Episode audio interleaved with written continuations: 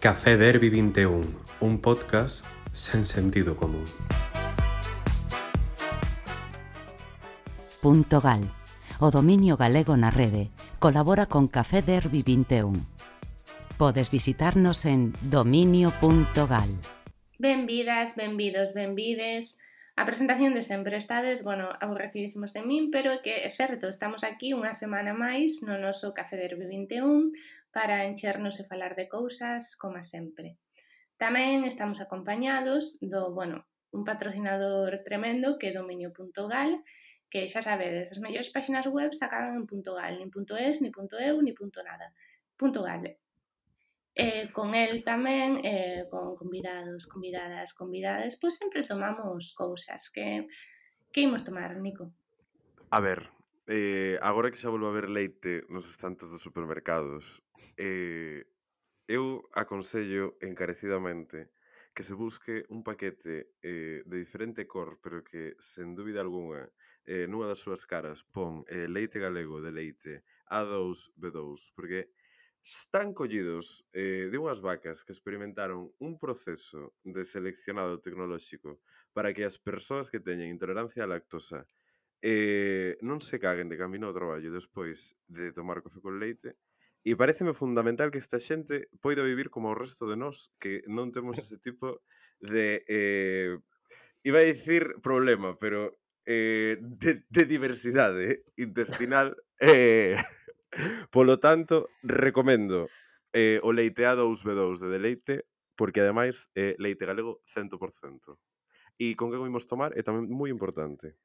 O imos tomar cunha divulgadora científica que foi convidada a ese programa de culto chamado Petiscos no Derby e que é unha estrela, e tan estrela é que ve en medio de resaca. Ela é Tamara Pazos, putamente. E intolerante á lactosa. bueno, bueno, fantástico. Estaba tomando nota de todo o que dixo Nico. Así que primeiro, primeiro impacto do, da publicidade que acaba de facer xa é min. Eh, jolín, que ben, eh? Vedes como sí. funciona a publicidade? Totalmente, Existe. totalmente. Un, un, uns impactos de... Non, na, a que agora teño ganas de probar. Ai, pois, pues, mira, esto... Gracias pola significa... recomendación. É que eso, eso foi moi... Eh, faz ben a publicidade porque dibuxa, sabes, o espazo de esas personas que se cagan indo ao traballo e todos... cando estiveches aí, eh, sabes onde... Ah, ese, ese colectivo Minoritario. Claro. sí, sí, me encantou a inclusión, en plan de, bueno, non é que estén enfermos. Claro. Non, é, personas... non eres intolerante, tes intolerante. eh, bueno, Tamara, eh, estiveche, como ben dixo Adri, no, no Petiscos no Derby e prometemos xa que a última referencia que se vai facer neste programa a un dos highlights do propio programa. Eh, pechamos ciclo, eh, pero pechamos e estivemos falando entre nós como cal sería o paso xusto a comezar e é unha frase que dixeche durante o programa que foi como bastante profética que é de eh, saúde mental sí, pero hai que ver de parte de quen, en que sentido eh, e se si se está falando correctamente. E é un pouco pois, preguntarche e, e arrincar se si estaremos vivindo mm, respecto da saúde mental unha situación de demasiado eh, demasiada información, moitas direccións sen sentido e todo isto.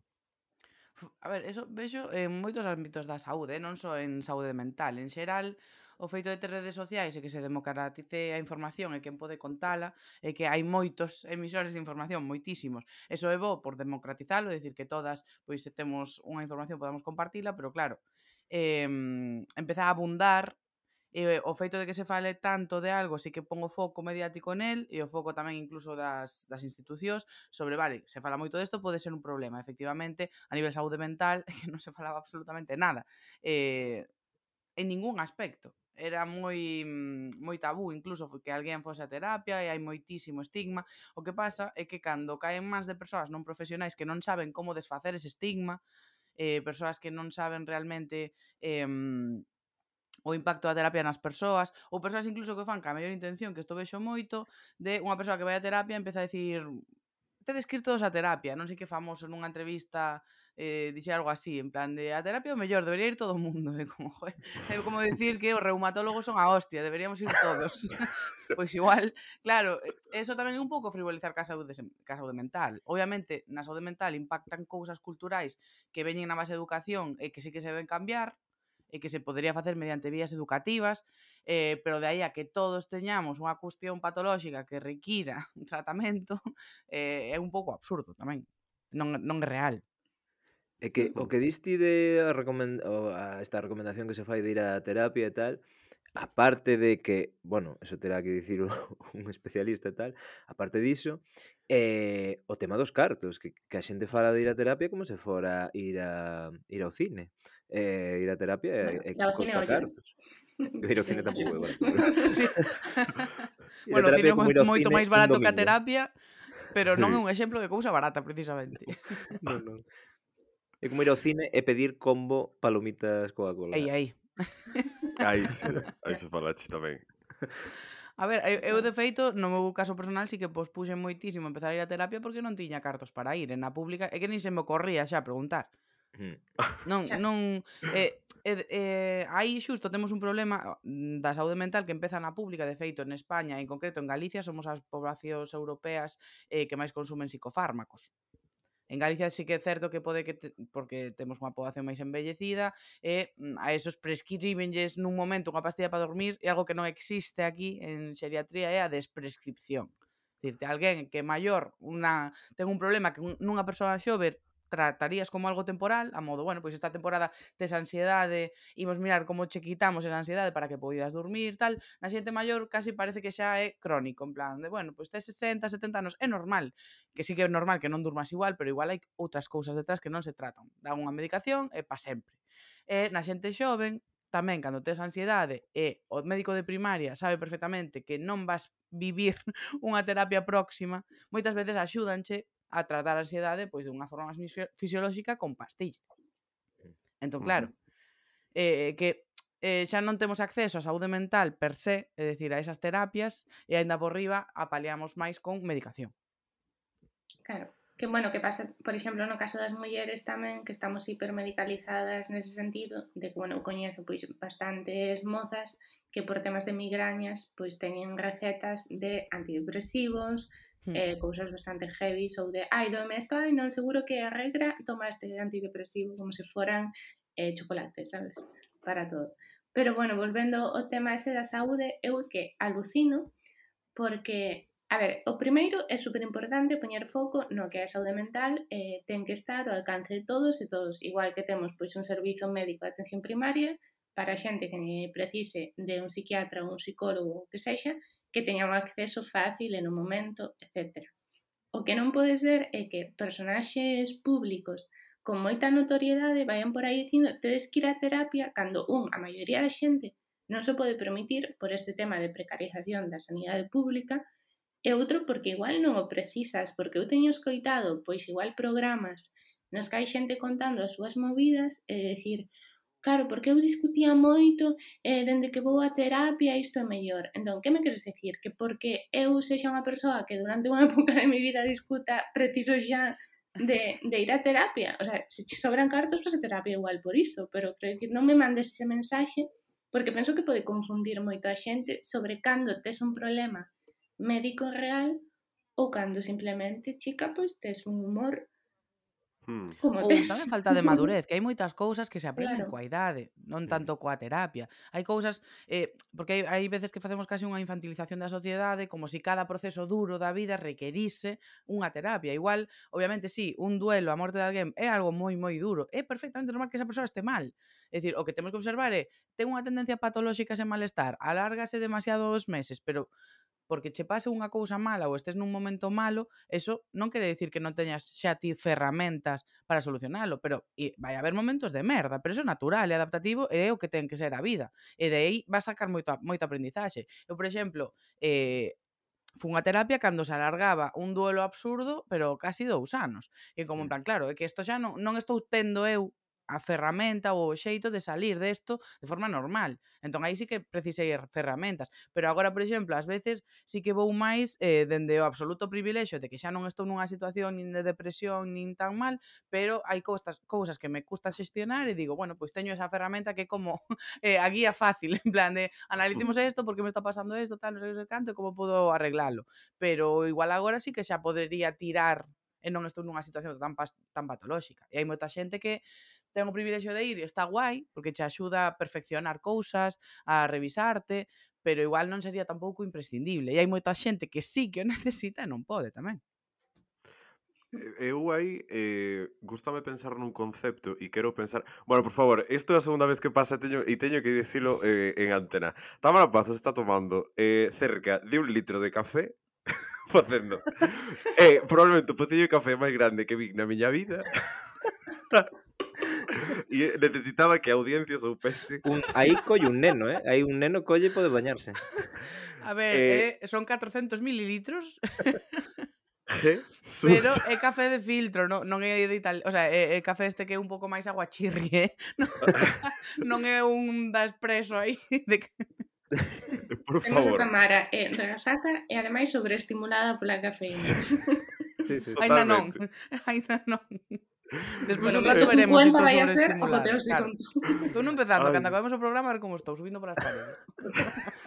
bueno, vou retomar o fío, porque é que, é que sai, despistei moitísimo. Tomouse moi en serio. Rosalía, pásame como Rosalía, que eh, non teño atención focalizada. Eu tampouco. Eh, hai un concepto que me gusta creer que existe de verdad, que é o entrenamento persoal, individual, ao longo da nosa vida, que é unha carreira de fondo, na que tú de verdade entrenas eh, pois, eh, pois os teus sentimentos, a túa a xestión da frustración, a xestión das emocións, que pode ser que como decides, hai momentos puntuais, vitais, situacións eh, nas que a terapia, a axuda externa eh, pode ser e debe ser eh, no que te apoies, pero eu quero pensar que tamén hai unha parte de que tes que afrontar. Isto sona absolutamente antigo e sona sí. a isto... a que dirías isto... igual, bueno, tristes estamos sí. todos, pero hai que ir traballar e facer claro. as cousas igual. eu, eh, eu sei que sona un pouco a ese tío Eso que non estás de... dormindo ben. Mm, esta xeración que non, non aguanta nada. Vale, non lle quero dar, vamos, a esa xente non lle quero dar ningún un por de razón. Pero sí que creo que eh, os seres humanos temos como, e creo, e bueno, ahora saberás se si estou no certo ou non, mm. pero penso que temos como un umbral eh, no que sí que temos que aprender esa xestión, porque senón creo e considero que ao mellor estamos en bucles eternos de terapia por non ter eh, mellorado ou entrenado unha capacidade de hmm. xestión. Mm. Bueno, a ver, eu tamén presumo da, das psicólogas que moitas cando non ven unha necesidade de terapia vanche dar porta. A miña, por exemplo, eh, sí que caen cunha... Eh, aproveitamos para decirlo. Unha boa terapia ten que ser como cando vas ao fisioterapeuta e te di eh, esto vai ser eh, X sesións por tanto precio e vai durar tanto tempo. É dicir, cando imos a terapia estamos expostas a un tratamento que presumiblemente vai ter unha duración. Entón, o que lle podemos pedir un presuposto, a modo, bueno, pois despois desta sesión de avaliación da miña situación, eh, que a min o que me dixeron é, eh, pois mira, imos facer estas sesións espaciadas este tempo, e eh, presumiblemente serán seis, sete, e eh, podería alongarse, pero En principio sería isto, por tantos cartos, tanto tempo. Entón, así ti podes saber se si te podes permitir eso ou non. Eh. Obviamente sí que hai terapeutas que empezas, e eh, van, e non sabes cando acaban, pero bueno, que, que sí que hai terapeutas que fan o que a miña, e eh, a min pareceme máis coherente ese estilo de, mira, pois sabemos cando vai empezar, cando vai acabar, e igual se non che ve ningún problema, ou xa che ve ben, pois unha muller, a miña, por lo menos, como tampouco, como ten moitas pacientes, porque é moi buena, a verdade, non lleves necesidade de engancharte aí, sabes, a, a estar con ela eh, indefinido, claro. senón que, bueno, pois xa vai cubrindo con outras persoas. E agora sí que está vendo que eu falei con varias psicólogas, eh, un boom de xente que está indo, pero que tamén agora sí que penso que eh, a raíz da pandemia sí que houve moitas situacións, igual agudizadas, moita soledade, moita, o sea, agora sí que é unha situación en que non sei canta xente está indo sin que lle faga falla realmente, pero sí que penso que, que vivimos dunha situación moi dura que despertou pois como moita merdeciña así na xente. non, si dixo soledade...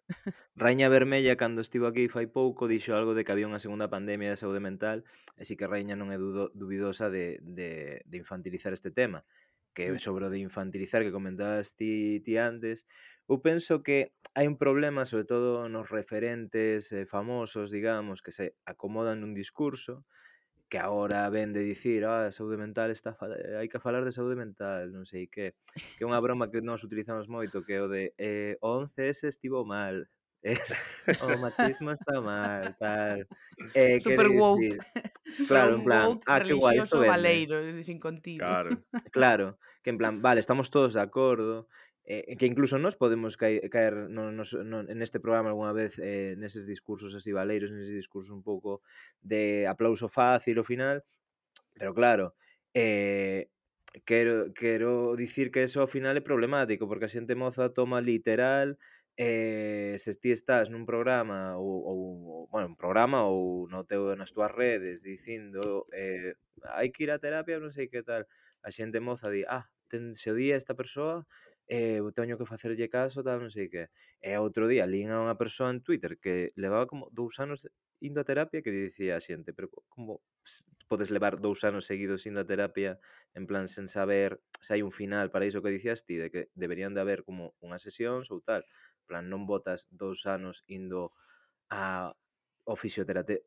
fisioterapeuta por, porque sí, en plan terá que haber unha lesión. Que, se, que teñas algo crónico. Bueno, a ver, que moitas claro. moi, tamén como hai mos, moito estigma sobre o diagnóstico, moitas veces a xente tampouco sabemos que ten ou que lle pasa, máis ben, máis que que ten que lle pasa cando vai a terapia.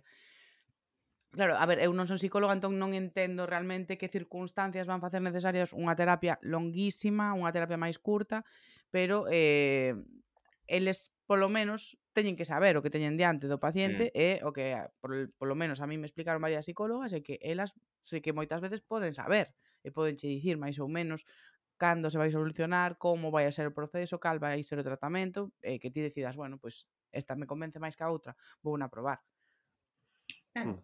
Bueno, outra cousa tamén é que Eh, agora, bueno, eso, salud mental, estamos todos fatal, hai moitísima xente por diversos problemas, indo psicólogo, etc, etc pero tamén a impresión que teño eu é de que estamos eh, pondo, eh, poñendo a saúde mental eh, nun lugar de que tapa outros problemas. É dicir, ti podes eh, ter pois depresións, ter ansiedade, ter calquera tipo de problema de saúde mental, pola razón que sexa. Pero, por exemplo, falase moito de que hai eh, cada vez máis xente que acude a estas terapias por problemas laborais.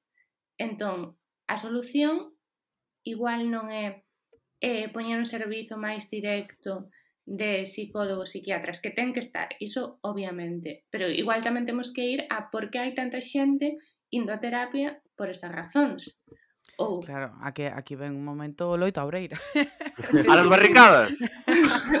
non, pero é verdade, é dicir, é que é, que é, é precisamente o que facía alusión antes. Hai moitas cuestións que non son individuais, non son patolóxicas da persona, senón de vivir baixo a presión da sociedade. É dicir, que eu teña medo a ir pola rúa pola noite, o que poda pasar eh, un pouco de ansiedade se me encontro así con un tío raro, eh, é dicir, por que teño eu ese medo? Non é patolóxico raro meu. É dicir, claro. hai cousas que son sociais e son presións que vivimos en base a unhas circunstancias aprendidas. Entón, claro, eh, mm, a xornada laboral está como está. Por exemplo, eu, que claro, estou Mal. moi vinculada a, a, a dar charlas sobre, eh, de feito agora estou con eh, Xuventude Galiza, que estamos con eh, Primavera Xove, e imos polas distintas facultades, eu xusto está, estou nun grupo de eh, coidados. E a miña charla é, pois, eh, o dei rutin con evidencia científica, é dicir, cousas que podes facer no día que teñen evidencia científica de que son boas para a túa saúde. E a maioría é que non se poden facer. É dicir, hai claro. unha que é xa directamente aliñarnos e eh, os nosos ritmos circadianos cas horas de luz. E para eso teríamos que o idóneo sería poder dar paseos coa mencer e coa atardecer para que se sincronice o teu reloj biolóxico eh, case, casas horas de luz. Entón, claro, alguén que ten turno partido, que entra de noite, eh, ou co cambio horario que non lo fan así tamén, pois beneficiando non sabe moi ben a quen, porque as asociacións de sono están contrarias a ese cambio de, de de hora, é dicir, non, non está pensado o mundo para a nosa saúde, está pensando para eh, eh, a nosa eh, productividade, e cando pensa na nosa saúde é eh, un mínimo para que sigamos sendo productivos. Mm. Sí. entón, ese, ese é o punto, a mínima saúde mental que temos na sanidade pública, pois é veña, porque sigues tirando. E agora que están vendo que non tiramos, porque non tiramos, porque hai en moitos países estas despedidas en bandada que pasou en Italia, pasou en Estados Unidos, de pois non toleramos máis este formato de traballo, este presencialismo absurdo, o sea, hai unhas cousas culturais que son contraproductivas, porque aparte canta xente de oficina recoñece que en plan, mira, eu chego unha hora que xa non estou traballando, o sea, podría estar na casa porque xa estou enredando, pero que normal. Sí. É dicir, a, a concentración ten un límite. E estar absurdamente oito horas aí na oficina, cando igual en seis poderías traballar mm, o que tes que facer, e irte dúas pa casa, Por eso eu xa mm, fixen un pouco esa desbandada e a tomar por culo, porque é verdad. Sí, sí. E bueno, eh, falando eh, de falando... colectivos... Ui? A ver, a ver quen fala primeiro. Falando de capitalismo e eh, saúde mental, non sei se recordades o de la llorería, creo que era, en Malasaña, unha cousa tal. Ah, sí. Ah, eh, apropiouse o capitalismo da tristeza xa... a tope. Eso, apropiouse o capitalismo xa da saúde mental, pensades? Absoluta, absolutamente. Bueno, o capitalismo a ver, é que de o todo. tema de ir ao, psico, ao psicólogo, por exemplo, en moitos casos é un ben de luxo, quero dicir, é, é capital social tamén. Igual que mm. ti vendes que podes vivir en Malasaña, podes tal, pois se chegas a un certo nivel adquisitivo, eh, un certo estilo de vida, parece que ir ao psicólogo vai no pack de podome sí, permitir sí, porque teño sí. X cartos, etc. Eh. Vou ao psicólogo e voto a Más Madrid. A min, eh, eh, gustaríame pararme un minuto, só un minuto, de verdade, necesito saber. Entón, o de pasear co amanecer e o atardecer non é un misticismo... Xa vi que estabas moi calado con iso. profundamente quieto así. Escoita. Eh, porque que me parece rollo unha cousa hipermisticista de Sócrates, eh, os sofistas, os presocráticos, os peripatéticos. Sí, é que eu tamén estou un pouco así con algunha evidencia científica que estaba tomando, porque eu era super cínica con cousas espirituais, meditación e tal, en plan, eu pasaba desas cousas, e a psicóloga me recomendaba meditar, e eu, espérate. E empecé a buscar artigos científicos, eu, porque eu non fago así estas cousas, e non teñen algo de evidencia, paso. E un montón. E eso tamén, que parece moi místico, tamén ten evidencia científica. O sea, pasear mentras sae e se vai o sol, eh, amiga, axúdame. Sí, a ver, eh, explicación breve, explicación flash. a movida é que nós, para regular as nosas hormonas, a produción de non é algo aleatorio, cando se produce máis hormonas que te activan, cales son as que te desactivan, cales empeza máis digestión, todo eso está regulado polo hipotálamo no cerebro. E o hipotálamo recibe señais de un reloxo interno que determina esos ciclos de, bueno, pois pues agora estamos máis arriba, máis abaixo, máis arriba, máis abaixo. E ese reloxo coordínase cas horas de luz, porque nós biolóxicamente somos unha especie diurna. É dicir, nós estamos eh, evolutivamente adaptados a traballar en horas de luz, polo tanto, as nosas hormonas están adaptadas a que cando vai a haber luz, empezan a activarnos. De feito, nós ás 6 da mañá, en torno ás 6 da mañá, produces un pico de cortisol, que é unha hormona que nos vai quitando o cerebro de ese estado de descanso e empeza a despertarnos. Entón, claro, se ti sempre te ergues en oscuridade e vas a traballar en oscuridade e non recibes esas primeiras horas de luz da mañá que eh, esa, esa tonalidade de luz de golden hour, de hora, hora de fotos bonitas, pois esa, esa, mm, esa luz así tan baixa que entra mm, pois casi eh, de fronte aos ollos estimula unhas neuronas concretas que saben que é esa hora. Sabes, é dicir, non, non é calqueira luz, é esa tonalidade de luz, esos laranxas, esa longitude de onda entrando nos ollos dende esa perspectiva solar, estimula unhas neuronas concretas que activan ese proceso de, vale, pois estamos coordinados con esta primeira hora do día e a, su, a da última hora da tarde tamén ten unha tonalidade, de longitude de onda concreta, todo é física. É dicir, esas, hmm. esas ondas de luz penetran nunhas neuronas que se estimulan químicamente porque é esa frecuencia de onda concreta. Igual que unha nota musical. Pois dou un sol E, e o oído, o, o oído sabe que é un sol. E se dou un fa, que... pois o mismo coa, coa luz.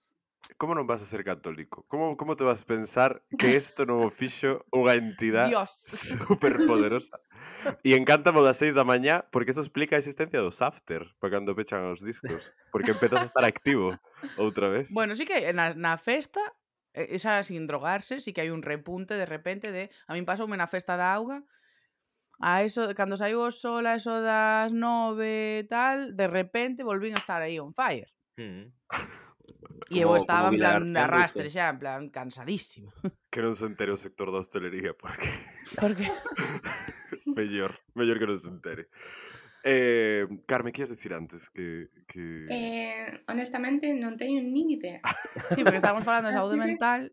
Eu estaba sí. pensando, non sei que iba a decir, de algo que molaba de redes sociais. En plan, de que de que está moi ben ir a terapia cando fai falla, pero hai unha cuestión que mola bastante que eh, as divulgadoras e psicólogas que están falando de saúde mental, moitas veces elas non están constantemente aí que ir a terapia, senón o que fan é divulgación sobre nocións básicas que nos axudan a ter menos discusións, menos conflictos, e se pon de moda. É dicir, agora, eh, eu algo que non escoitara na miña vida era responsabilidade afectiva.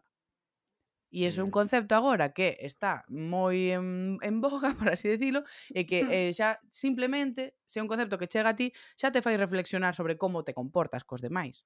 E que moito, moito do trauma que temos é de como nos relacionamos co resto.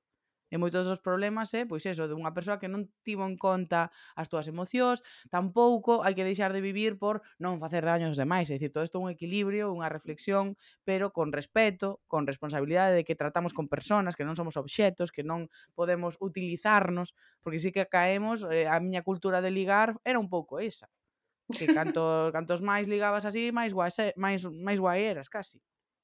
E se pasabas en plan, despois va, non me cundeu, non lle falo máis, xa está Era un pouco tratar personas como Kleenex.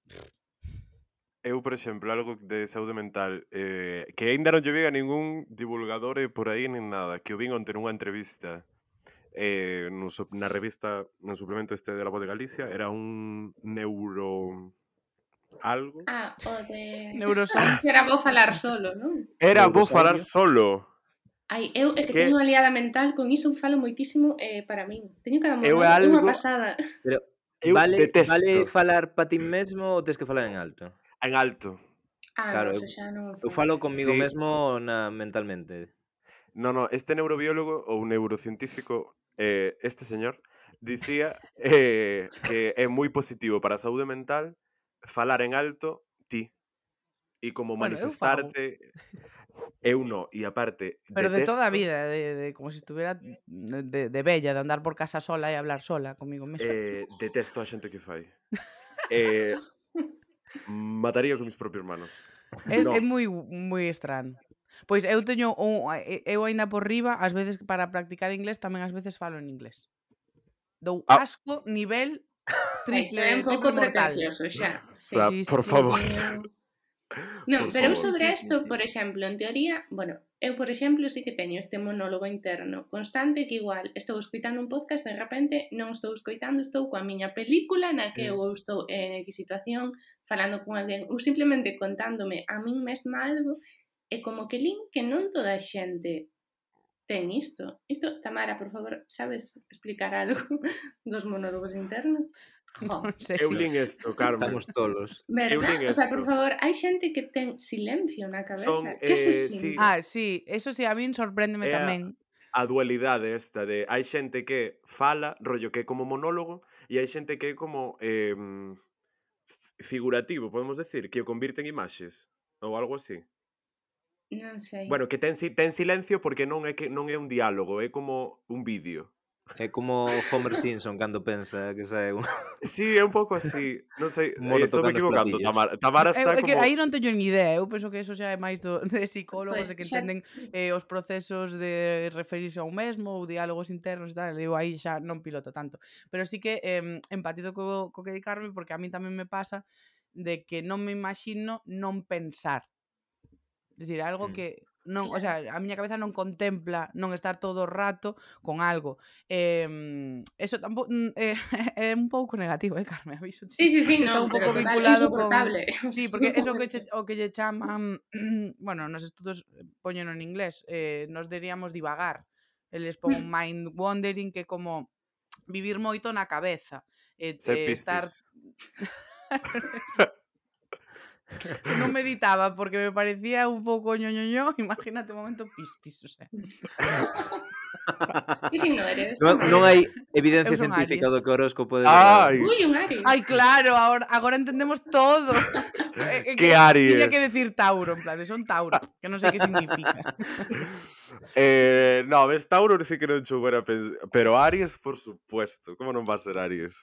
Aún así, ainda así, esas cousas encantanme, eh? por exemplo, eh, o sea, o que gustame meterme no mood concreto sí. nese momento, de feito, eh, con Espido Freire, a escritora, ela encanta de todo eso, controla, pilota un montón, eh, leume aí unha carta, bueno, super apasionante. Eu, cando me motivo, me meto aí, vivo intensamente e gustoume un montón. E Quedei con ganas de máis, incluso. A mí encántame. O conductivismo emocional e sentimental, flipame. De verdad, é como expoñerme a unha comedia romántica de dúas horas e dicir, ahora, ahora podo namorar de alguén. Pero nesta, neste rango de media hora ata que se me pasa gilipollez. Exacto. É como... Pero bueno, volvendo un pouco ao redil. Moral Eso, eh... estábamos falando do diálogo interno a que lle decía Carme que as persoas que tendemos a facer moito iso cando temos ansiedade e levamos a cabo procesos eh, autorreferenciais de falarnos a nos mesmas tamén en negativo eso ten un impacto na ansiedade no sistema límbico no noso corpo terrorífico terrorífico. Confirmo todo. Pero sí, eso que, eso que significa? Porque usas unhas palabras que... Eh, eh, o proceso de como nos referimos a nos mesmas, a modo, se estás todo o tempo, eh, se ese diálogo que tes contigo mesma, cando estás ben, falas ben, pero cando estás mal, pois que fuches unha vaga, falaches mal a non sei que, e que veña tira, que estamos chegando tarde porque eres un desastre, porque eres tal, porque eres cual. Eso eh, eh, está vinculado a unhas, unhas áreas do cerebro da atención, e se se estimulan moito, acaban estimulando ou un sistema emocional que vai avisar ao noso corpo de que hai un estrés constante. É dicir, ti estás todo o rato dicíndolle ao teu organismo que hai un problema. É dicir, cando estamos constantemente cun conflicto sin resolver ou, ou nos falamos mal a nos mesmos ou todo isto, eso o corpo eh, interpreta como un perigo. É dicir, hai un perigo, hai un estrés, hai unha movida que non está resolta. E se non a resolves e estás todo o día aí co rurú, rurú, rurú, o corpo pensa que hai ese estrés, entón promove unha situación metabólica hormonal de estrés. Entón, as túas hormonas son como se houvese un ataque. Mm. Está aí adrenalina a tope, cortisol, bueno, outras hormonas vinculadas a que estés alerta. E eso pode ter eh, porta de volta ao cerebro de forma que ti estás tranquila, pero o teu corpo ten unha situación hormonal de, cere de, de peligro e avisa ao cerebro de que hai un peligro. E ti dis, non, estou tranquila, estou facendo desayuno, non mm. pasa nada. E o teu cerebro en plan de, non, non, algo pasa, algo pasa. E ti, non, non pasa nada. E o cerebro, algo pasa. E cando dis, ai, sí, teño que falar con fulanita porque estamos enfadadas. Ou teño que facer non sei que. E eh, veñen esos pensamentos intrusivos da, da nada que como pum, de repente a ansiedade, como, pero se eu estaba aquí, o sea, non hai un perigo de diante, ni ningún problema diante, e o teu corpo o invoca. Claro, pois mira, eu estaba convencida de que era porque era Virgo, eh? pero non vais hai outra explicación. Claro, non, isto que acabo de explicar é solo nos Virgo. Tedes ah, xusto esas estruturas cerebrais. Claro, é que eu como Piscis, eso, eso claro. de falarme mal a min mesmo... Non se contempla. Mm, Os Virgos son Xamais. estresados. Eu teño no? que mirar que igual soy, son ascendente Virgo. Por eso pasa. Oye. No, pero bueno, sí que me chama a atención o de falarse mal a sí mesmo, porque é algo que sei que existe, a mí non me pasa. Que bonito. Eh, Eh, sí, bueno, con todos os perigos que eso conleva tamén, porque tamén vivo nunha realidade paralela no que todo está ben. No, por qué? É dicir, pero que non, te, non ten utilidade. É dicir, por exemplo, si, si se che cae algo e o primeiro que pensas eres unha torpe, que utilidade ten? No, pero ves, eu penso, joder, que torpe son. Pero tampouco digo, ah, torpe, torpe, ah, torpe, bueno, sabes? Ver, no, pero igual habría que analizar se si de verdade eh, non te falas mal, igual sí que... Sí no, que dígame, joder, que torpeza máis tonta. Recolles cristales, collo o vaso e a seguir. É dicir, é que... Bueno, a ver, parece... non penso ni que Carmen ni que estemos aí plan... Llorando, recolliendo os cristales. Non mereces volver a ter unha taza. Nunca se sabe. Eh, mm, bueno, seguimos co, ca programación habitual. Aquí Café eh, Derby na onda media. Rabadames. eh, Tamara, ti ademais de ser eh, divulgador e eh, científico eh, neurobiolig... Neuro... Neurobiolinista. Sí. Estaba me dando un... está Estaba dando un ictus en directo, perdón. eh, eh, eres doctoranda. Sí. Sí que son. Como é a tua saúde mental despois de descubrir este facto? Pois, a ver, non, non, non represento o colectivo do doutorado porque non vivo esas presións, é dicir, non estou a xornada completa eh, porque como non son persoa de boas notas, pois non, non tuve en beca. Nin a pedín, que, é dicir, eu xa non, non intentei ser doutoranda a xornada completa, pero sí que é certo que houve un momento eh, no que estaba traballando nun laboratorio e, o sea, non, non investigando, sino na industria farmacéutica, era visitadora médica. E eu quería ah. volver máis á carreira formativa, investigación, gustábame máis. Entón, dixen, va, pois me matriculo a mm, media xornada na tese eh, vou na facendo así a poucos polas tardes e tal, e niso estamos. Por eso tampouco teño esa presión que ten a xente de, bueno, pois pues teño que estar coa beca ou un traballo mm, aquí de mm. 12 horas que en realidade son 14. non, non teño esa experiencia. Agora no sé si estáse comentando sobre este tema, eh, bueno, da precariedade, problemas e tal, sei un reportaxe creo que no diario.es, non? Ou non sei en que medio foi. Home, raro sería que fora la razón. De feito, non sei se o fixo o noso compi Raúl. Sí, eu penso que sí. Penso que Un beso a Raúl desde aquí. Eh, e rollo, bueno, estaba sa saindo toda a parte escura do, do tema do, do doutorando. Ti non sei se coñeces, bueno, nas túas carnes penso que non, non polo que parece, pero non sei se coñeces alguén que, que sufra eses eh, penitencias de estar tantas horas traballando e precariedade, de que incluso... Sí, eh, o, sí e eh, tamén depende traballo. da Tamén depende moito das características da investigación. Hai algunhas que As carreiras de investigación sí que se viven bastante como algo vocacional, sobre todo se ves desde bioloxía e carreiras que son como moi de veña. Porque os mm. nosos profes, sobre todo na miña facultade na, US, na UDC, na, en Bioloxía na Coruña, os profes tiñan unha vontade de facer incluso actividades as fins de semana, excursións con nós, é dicir, é como que xa eh, eh, estudias nunha cultura de adicación extra Entón, claro, cando chegas ao formato de investigación é que xa ves deso, de ver os profesores que se hai que facer saída ao campo o domingo, pois imos o domingo cos alumnos. Eso non llo paga ninguén. Entón, xa ves un pouco desa, ves desa cultura. E despois, por exemplo, tiña unha amiga que na súa tese eh, a facía con cultivos in vivo. Eso como ter un fillo. É dicir, ti tes células que lles dá igual que seña festivo. Tes que ir a renovar o cultivo todos os días. Ela, por exemplo, non podía ir de vacacións eh, porque tiña que estar pendiente do cultivo, de ir todos os días, aínda que fose 10 minutos ali ao laboratorio hospital, entrar, abrir a porta, renovar o cultivo e irse para casa. Non podes dicir que alguén que vaya como, parece... como a regar as plantas ou así. Algo así, sí. E cando quería marchar de vacacións, pois pues, tiña que encontrar algunha compañeira que lle fixera o favor. É dicir, é que tamén depende da, da índole da, da investigación en sí, do, do estilo de investigación, do que estés investigando. A miña, por exemplo, non ten laboratorio. Eu, a miña non, non ten parte experimental como tal, eh, a miña é máis con enquisas, con eventos concretos, eh, moi bibliográfica tamén. Entón, a miña, por exemplo, non ten ese castigo. Eu, a ver, tampouco son tonta, claro. Eu xa vindo que facían os, mi, os meus compañeiros, tamén é certo que eu non teño tanto interese nas ramas celulares, eh, pero sí que me parece un, un castigo ese tipo de, de, de estudos. Pero claro, Bueno, eh, eu, é que xa eh... o problema é que a investigación xa se ve algo como voluntariosa, é dicir, no momento no que se entende, eh, todo o mundo entende que un médico cando fai a residencia, eso está pagado. É regladísimo, ademais. Dicir, a residencia, ti entras e sabes que vas a estar cinco anos gañando cartos. Pero mm, na investigación ti fas un doutorado e é como, bueno, pois a ver se si tes unha beca, unha beca que case é como un apoio, unha sorte, pero non é un sueldo. Entón, eso que xa está mal de base.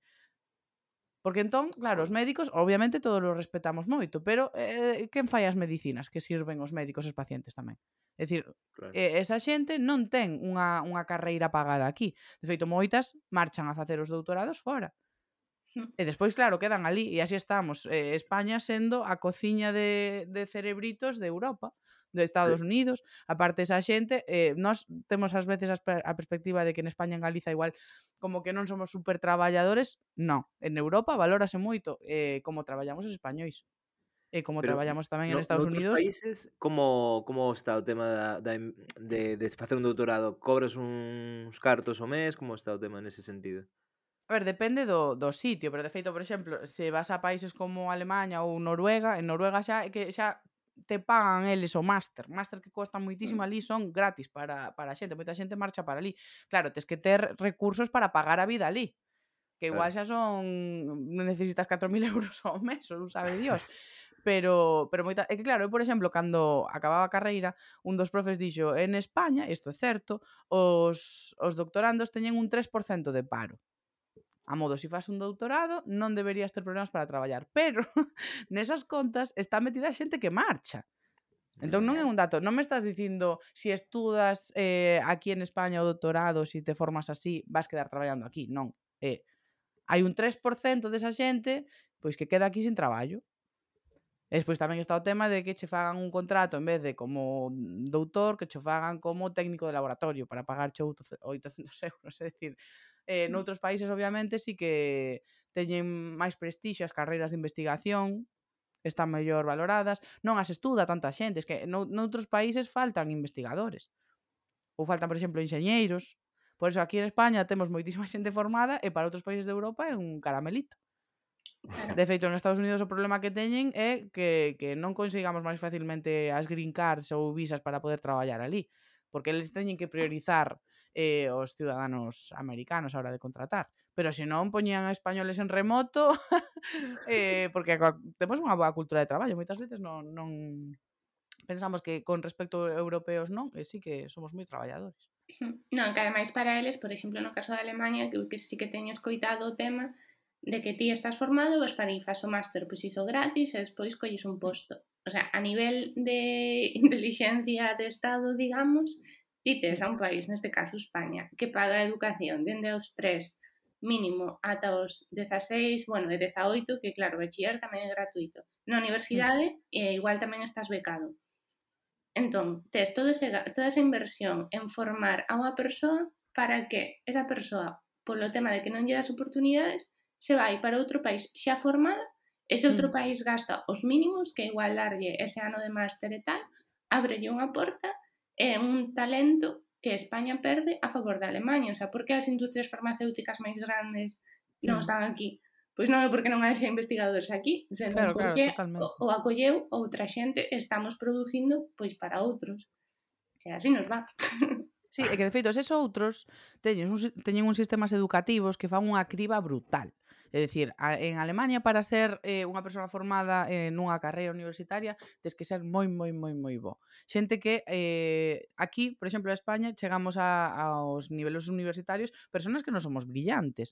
E ainda, pero a mí non me parece un problema isto, porque o que estamos demostrando é que deixando a xente que chegue a ese nivel xente que non éramos super brillantes, podemos facer cousas, joder, somos útiles igualmente. Mm. Eh, eh, nos, neses países non teñen tanta xente formada en proporción porque fan unhas cribas brutales. En plan, non, ti para facer enxeñería tes que ser pff, aquí o máis brillante da clase. E aquí, enxeñería, por exemplo, ten un 5 de media. Bioloxía tamén ten un 5. Hmm. A ver, pero todos salen coñecemos... profesionais competentes. Eh, de, sí. O sea, aquí non temos tanta eh. criba e tanto elitismo con quen chega á universidade. No, no, o sea, para min es, o noso sistema educativo nese aspecto está ben, o que non está ben é eh, eso, que aínda onte din unha charla, en puxen nunha diapo que era que, que en España a investigación son as croquetas dos impostos, é dicir, mm, gastamos todos os impostos e co que sobra facemos investigación, Esa, e son unhas croquetas boísimas, porque aquí estive na Universidade de Santiago, eh, ca unidade de Brain and Pain, que acaban de recibir de feito un unha pasta europea importante para, para o seu proxecto, porque están facendo unha movida de estimulación intracraneal para solucionar a dor crónica e están tendo evidencias, decir, eh, cousas que están funcionando. E cando yo, yo dixen ao meu mozo de preso, como non están as noticias, en plan de como é unha investigación moi moi puntera que lle poda solucionar a unha muller, por exemplo, contaban dunha muller que levaba 20 anos sin ir a bailar pola dor que tiña, e despois do tratamento con ele xa poido ir. Es que eso é moi fuerte, e iso está pasando aí na USC hmm. non en Wisconsin ou en ningún lado, claro, que xa non, xa, xa non che digo eh, Obviamente a nivel España temos fuga para fora, pero a nivel Galicia tamén temos fuga para outras eh, cidades de España, para Barcelona, Así Barcelona, montón, Barcelona, eh, Barcelona é eh, o furado de galegos en investigación. O sea, Cataluña, a Pompeu Fabra eh, sí. podo, podo ir dentro desa facultade sen tocar unha baldosa de galego en galego. Podes ir falando en galego que probablemente non teñas ningún problema. Literalmente. O sea, sí, sí, sí, sí. iso Iso é 100% real. Eh, despois... Eh... De feito, Neuronacho, mm, eh, non sei se o coñecedes, eh, que mm. pois va marcha para ali facer a tese tamén. Ah. Pero que fan proxectos superinteresantes, invirten un montón, e dicir, ali sí que te, están invertindo moitos cartos. Eh. Aquí, ta oh, aquí tamén estamos facendo cousas guais, eh. Eh, eh? Xa, insisto. Pero sí que é certo que non hai para todos. Eh, becas eh, tampouco. É que non só coñecemos investigadores de xornalismo que xente que non pisou unha redacción e quere vivir do, do conto. Vaya melón. Ese, ese melón é mellor sí, non... Sí. En fin. Eu quero agradecerlle a toda esta xente que lle dedica horas É dicir, a esta rapaza que leva sen ir a Porto Novo eh, 4 anos de vacacións para cambiar o, o cultivo de células, porque sen esas persoas, eh, se por min fose, é dicir, se de min dependese, isto seguiría sendo a sociedade feudal, porque eu non penso facer esos sacrificios por a sociedade de ninguén.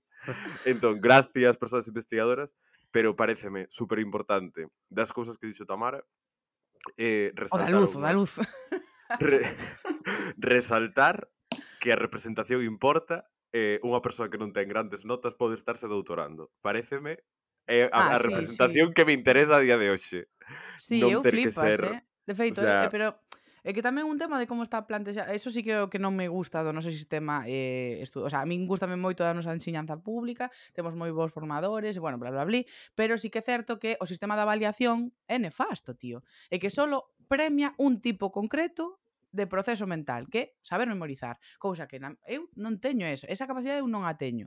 Pero a niveles de que non existen, eu copiei un montón na carreira, xa contei un montón de podcast. Eu non son unha persoa apta para ese tipo de recompensa. Agora, cando me avaliaban por traballos e por outro tipo de dinámicas nas que eu invertía horas e, e demostraba que sí que entendía o contido e non só entendelo, sino construir máis información con eso, sacaba todo notazas. Entón, como pode ser que unha rapaza nos dous puntos que, que aporta a nota final os traballos teña deces, e no outro ten cinco os catros e pode incluso suspender asignaturas.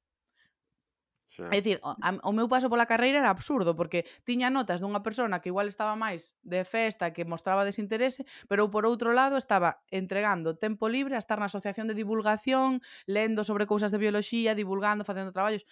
Eu tive en toda a carreira a sensación de que era unha puta vaga, e de que era un desastre académico. E agora, se eu fose a miña conselleira educativa, diría, pero tía, ti non estás demostrando ese interese, ti estás polas tardes indo a facer divulgación científica. Eres mm. unha friki, tía, decir, sabes, eres unha persoa moi involucrada, claro. Plan, non sei, eh, eu encontreime moi válida cando chegou o TFG.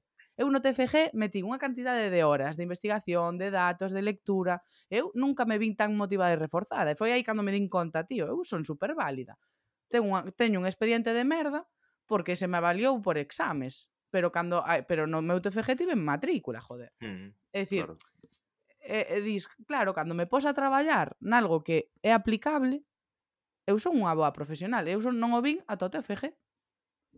Ves, é que é unha representación que importa, porque que estamos superacostumbrados a as excelencias as, as excelencias cando Carme Adri Maiseu coñecemos moitos casos, pero o caso concreto dunha persoa sí. de pelo rizado que eh, que non é dicir a punto eh, punto, a ver, espera, como... sigue dando datos que non caín. A ver, era, o sea, é unha Adri, por Dios. que vai aos mi, o sea, quero dicir, nen asiste ás clases, nen mostra un interés persoal ou unha paixón polo que fai, pero É increíble o tema de memorizar, o sea, unha persoa que se senta 4 horas diante dos apuntes e ao día ah. seguinte se un examen, pois, iso de carreiras sobre sí. todo memorísticas, sí, sí. eh, pois claro, fai todo o que nese, nese el tema 5.2 de artigo non sei canto, pum, pum, e chapao. Pero claro, Joder, despois lle dis, razóname 2 máis 1 e xa, eh, claro. A ver. No, pero claro, por, Na, na nosa mm. carreira especialmente era onde máis se notaba, pois por, por exemplo esta persoa eh, ou tantas outras que sacarían moi boas notas, pero non valían para a práctica, eran nef nefastas. E mm. logo, por exemplo, o noso ben querido amigo Gorka, que, que era un desastre, e agora fai anuncios con Josep Pedrerol, eh? Cuidado. Oye, pero, eh. De feito, de esto, que, eh, porque eu, claro, ao estar eh, na divulgación, estaba con profes, tío, que eu, xa, o sea, era, era tan friki que me levaba cos profes da carreira. E eles queixábanse desas cousas. Pelota. Ui, ui, ui, ui, ui. Sí, sí, sí. Amiguita de eh, dos Ainda profes. me levo moitísimo, eh? Sí, sí, sí, sí, amiguita dos profes. Eh, non, pero que eh, algún queixábase de que o sistema ás veces recompensa un tipo concreto de persona eh, que ten unha competencia memorística notable pero que igual non ten outras competencias sociais, eh, de traballo en equipo, de eh, de creatividade incluso, e parece que un laboratorio ou unha carreira investigadora é tamén, en plan, un perfil de, non, persona super, eh, nada que ver. En investigación necesitamos unha creatividade importante e é algo que non se ve recompensado no proceso académico. É dicir, non, non está pensada a carreira de bioloxía ou ese tipo de notas para mm, fomentar moi bons investigadores. E aínda así os hai, obviamente. Obviamente, é dicir, sí que se combinan, eu teño compañeiros na miña pandilla de, de, de clase que sí que dan o perfil completo, tío. Son super chapós, sacan moi boas notas, son moi creativos e moi intelixentes. Eu teño catro amigos que conseguiron becas de sobra que di, joder, é que eso desa hostia, en plan de, dá moita rabia. De feito, un deles que estudou na, na Pompeu Fabra é brillante, tío, André.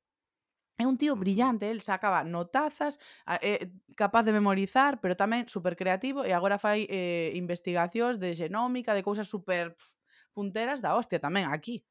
E non, ese sí que non marchou, fixo aí na, na Pompeu Fabra, non lle, non lle fixo falta marchar.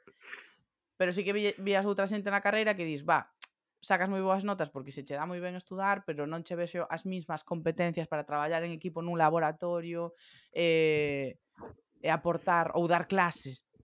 E nin estudar, eh? E quero, quero, facer, quero recalcar que nin estudar, que este caso, como que comentábamos desta persoa de pelo rizado, non era nin estudar, era eh, pum, pum, pum, pum, pum, tu, tu, tu, tu, tu, tu, tu vomitar, O sea, cando fago tu tu tu tu tu, persoa que nos está escoitando, fago co dedo un xesto de liña a liña. non teño unha metralleta. Eh, vomitar o contido e saía... Bueno, a tipa era burrísima. A tipa era eh, do máis burro que eu me pude botar na, na cara na miña vida. Eh, pero era brillante, nese sentido. E hai no que dicir, por non os tres, mexaba. A nivel notas académicamente, sí, sí. mexaba. Pero se vai un podcast. Eh... Porque esa, esa é a meta na vida. Agora mesmo. Feito, máximo que podes feito. Hai que poder facer un podcast. De feito, hai que recalcar que esta mesma persoa, non sei se vos acordades, sacou un cero nas prácticas e dixo o profesor, ahora terías que sacar un 10 para poder aprobar. E sacou un 10 e aprobou a, a asignatura só co 5 da... Bueno, aquilo fora... Sí, pode eh, ser. Lo, lo, lo, un aplauso. Absolutamente demencial. Congratulations.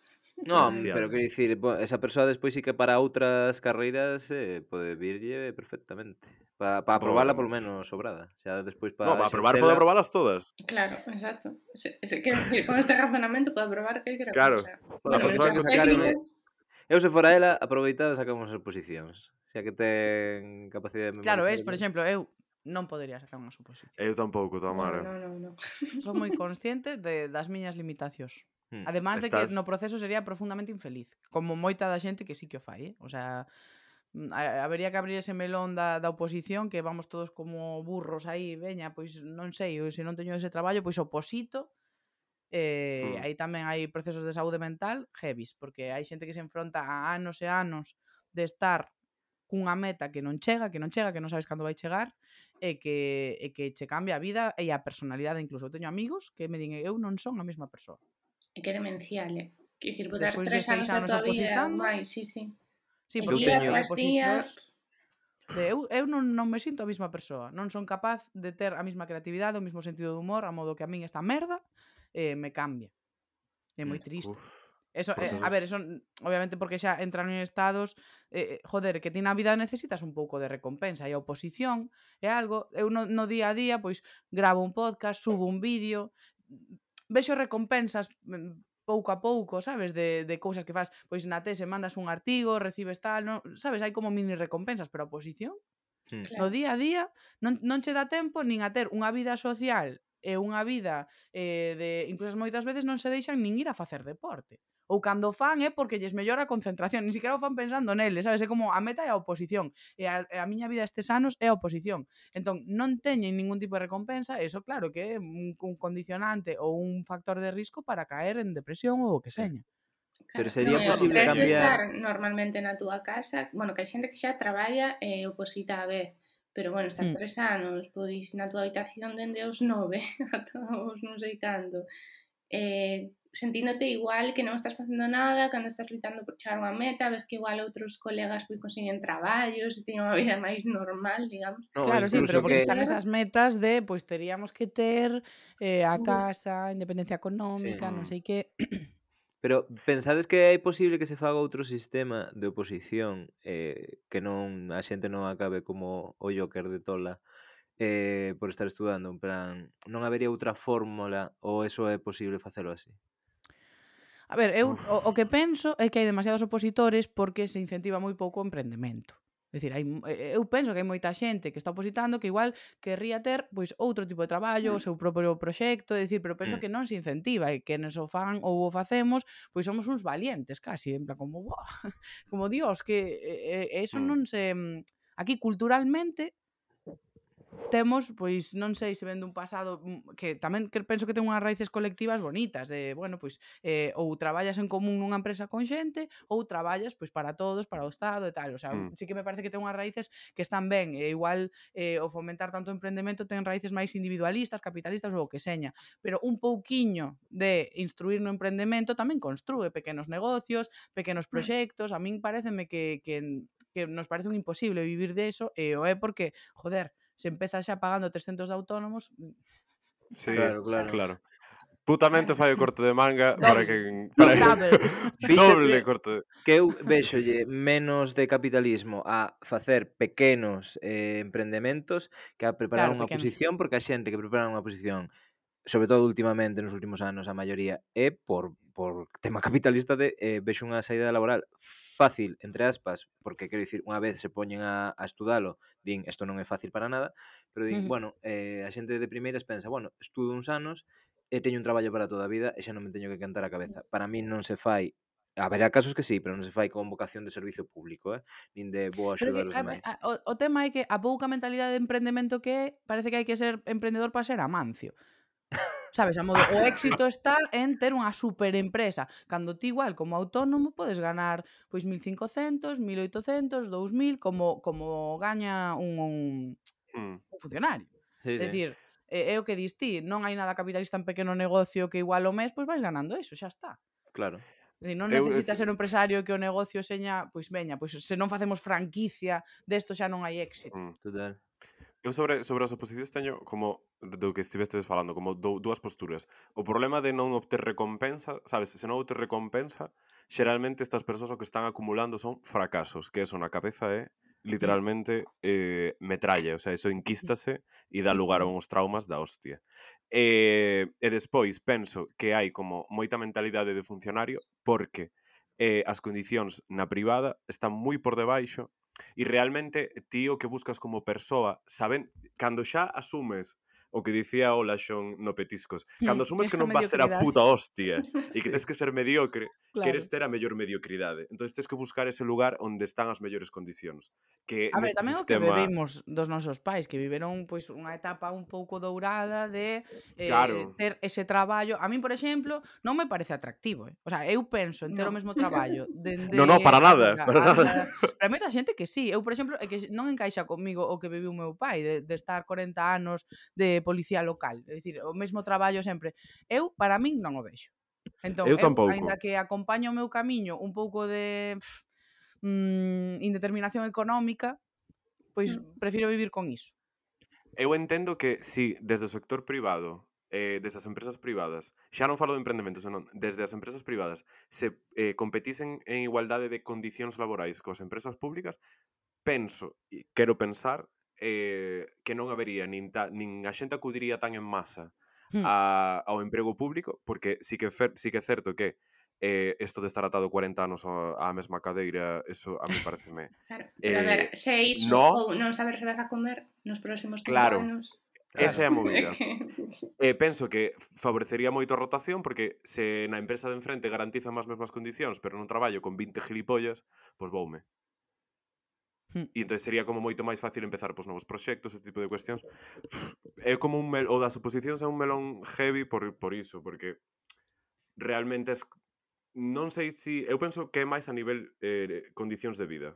Cando asumes que non eres a hostia e tes que vivir na mediocridade, penso que a día de hoxe o que te oferta a comodidade, porque mm. eh, a tranquilidade, como dicía outro, o que máis se paga. no, o sea, a ver, despois hai unha movida que temos moito nós, que é eh, a identidade a través do traballo.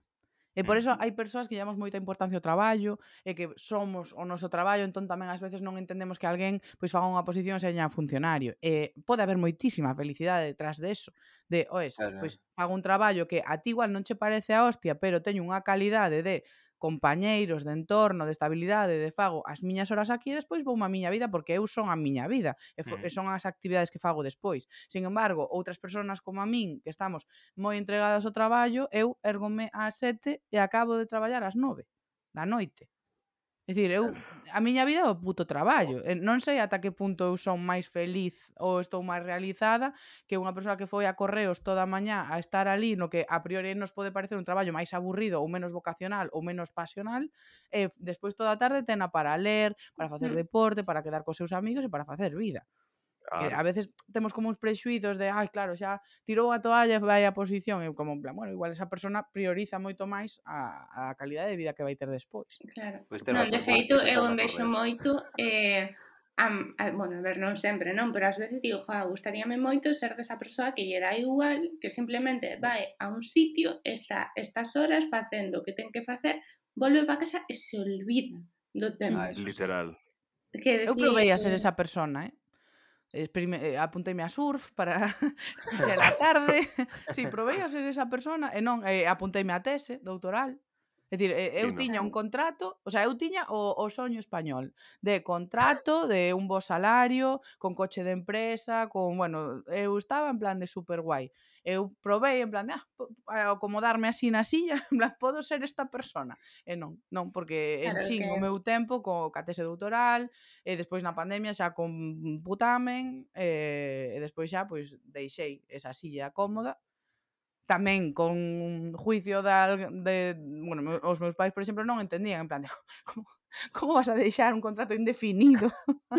claro. con moi, moi bo salario, con todas as condicións para facer sabe Dios que e eu como, pois mira, eu que sei pois, pois vou no facer Sí, bueno, depende da persoa, das circunstancias claro. e... Eh... No, pero mira, ao final eh, conseguiches o teu soño que era vir a este programa así que fixeches moi ben.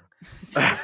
De aquí xa para baixo. Exacto. Sí, o seguinte xa é... Eh... No, e o seguinte soño que vai cumplir é xogar o xogo. O xogo que todo o mundo quer ah, xogar o noso xogo. Tamara quedase eh, en shock porque, claro, non sabía que temos Nós temos un xogo dos programas. A ver. Que eu non sei explicar, polo tanto, vai ter que explicar outra persoa. O xogo é, eh, hai uns equipos, eh, e os para, para ir a un dos equipos tes que elixir unha cor. A cor a ah, sorteamos antes de comezar os programas para que non se, sexa sempre a mesma eh, un de nós ten unha desas cores que ti dirás e irás para o seu equipo. Co, para que vamos a utilizar os equipos? Alguna idea tedes esta semana? Para opositar. Eh, eh, para opositar, para facer grupos de reforzo de oposición. No, tenemos que facelo para emprender. Opositar eh. a, a, no, no aprendistedes nada no programa. É para é pa emprender un pequeno negocio. Que logo ah, coa nosa mentalidade de tiburao levaremos ata a todas as cidades de España. Bueno, Eh, tens que elixir unha cor entre violeta, laranxa e amarelo. Violeta. Eh, e gañou bueno, Carmen. Levaba tempo sen gañar, eh? Así que, eh, bueno, sí, sí que levamos. por favor, finalmente un pouco de reconhecimento público. bueno, entón, ademais de estar no meu equipo que ainda non sabemos que máis está, porque levamos semanas dicindo, ai, sí, temos que facer unha recopilación de quen está no equipo de quen. Unha bomba. Non temos idea. Pero bueno, o equipo existe. Sí. Eh, xa utilizaremos para algo. Así que, bueno, mentres pensamos para que, imos a ir despedindo e, bueno, eu penso que tiñamos a idea de que xa que te chamas putamente de rematar con a canción coa palabra mente. Ah. Non? Non habíamos quedado. sí. Por algún motivo, Nico propuxo iso fai hora media. Sí, sí que eu dixe. Exacto, vale, non, non estou tola. Entón, bueno, vamos a ir despedindo, vou despedir con Quedarán nuestra mente de Amaya, Ay, igual que este programa que, que tamén vai quedar na nosa mente. E eh, bueno, seguide todos a esta muchachita en redes sociales que divulga moi ben, é moi divertida e fantástica. Eso con es. iso, gracias a todas por escoitarnos e bueno, escoitaremos a semana que ven, supoño, se todo vai ben. Así que deixo vos con a fantástica Amaya. Yo por la noche no puedo dormir. Es por tu culpa, me asusta vivir así. Cojo tu libro y me pongo a leer. No me concentro,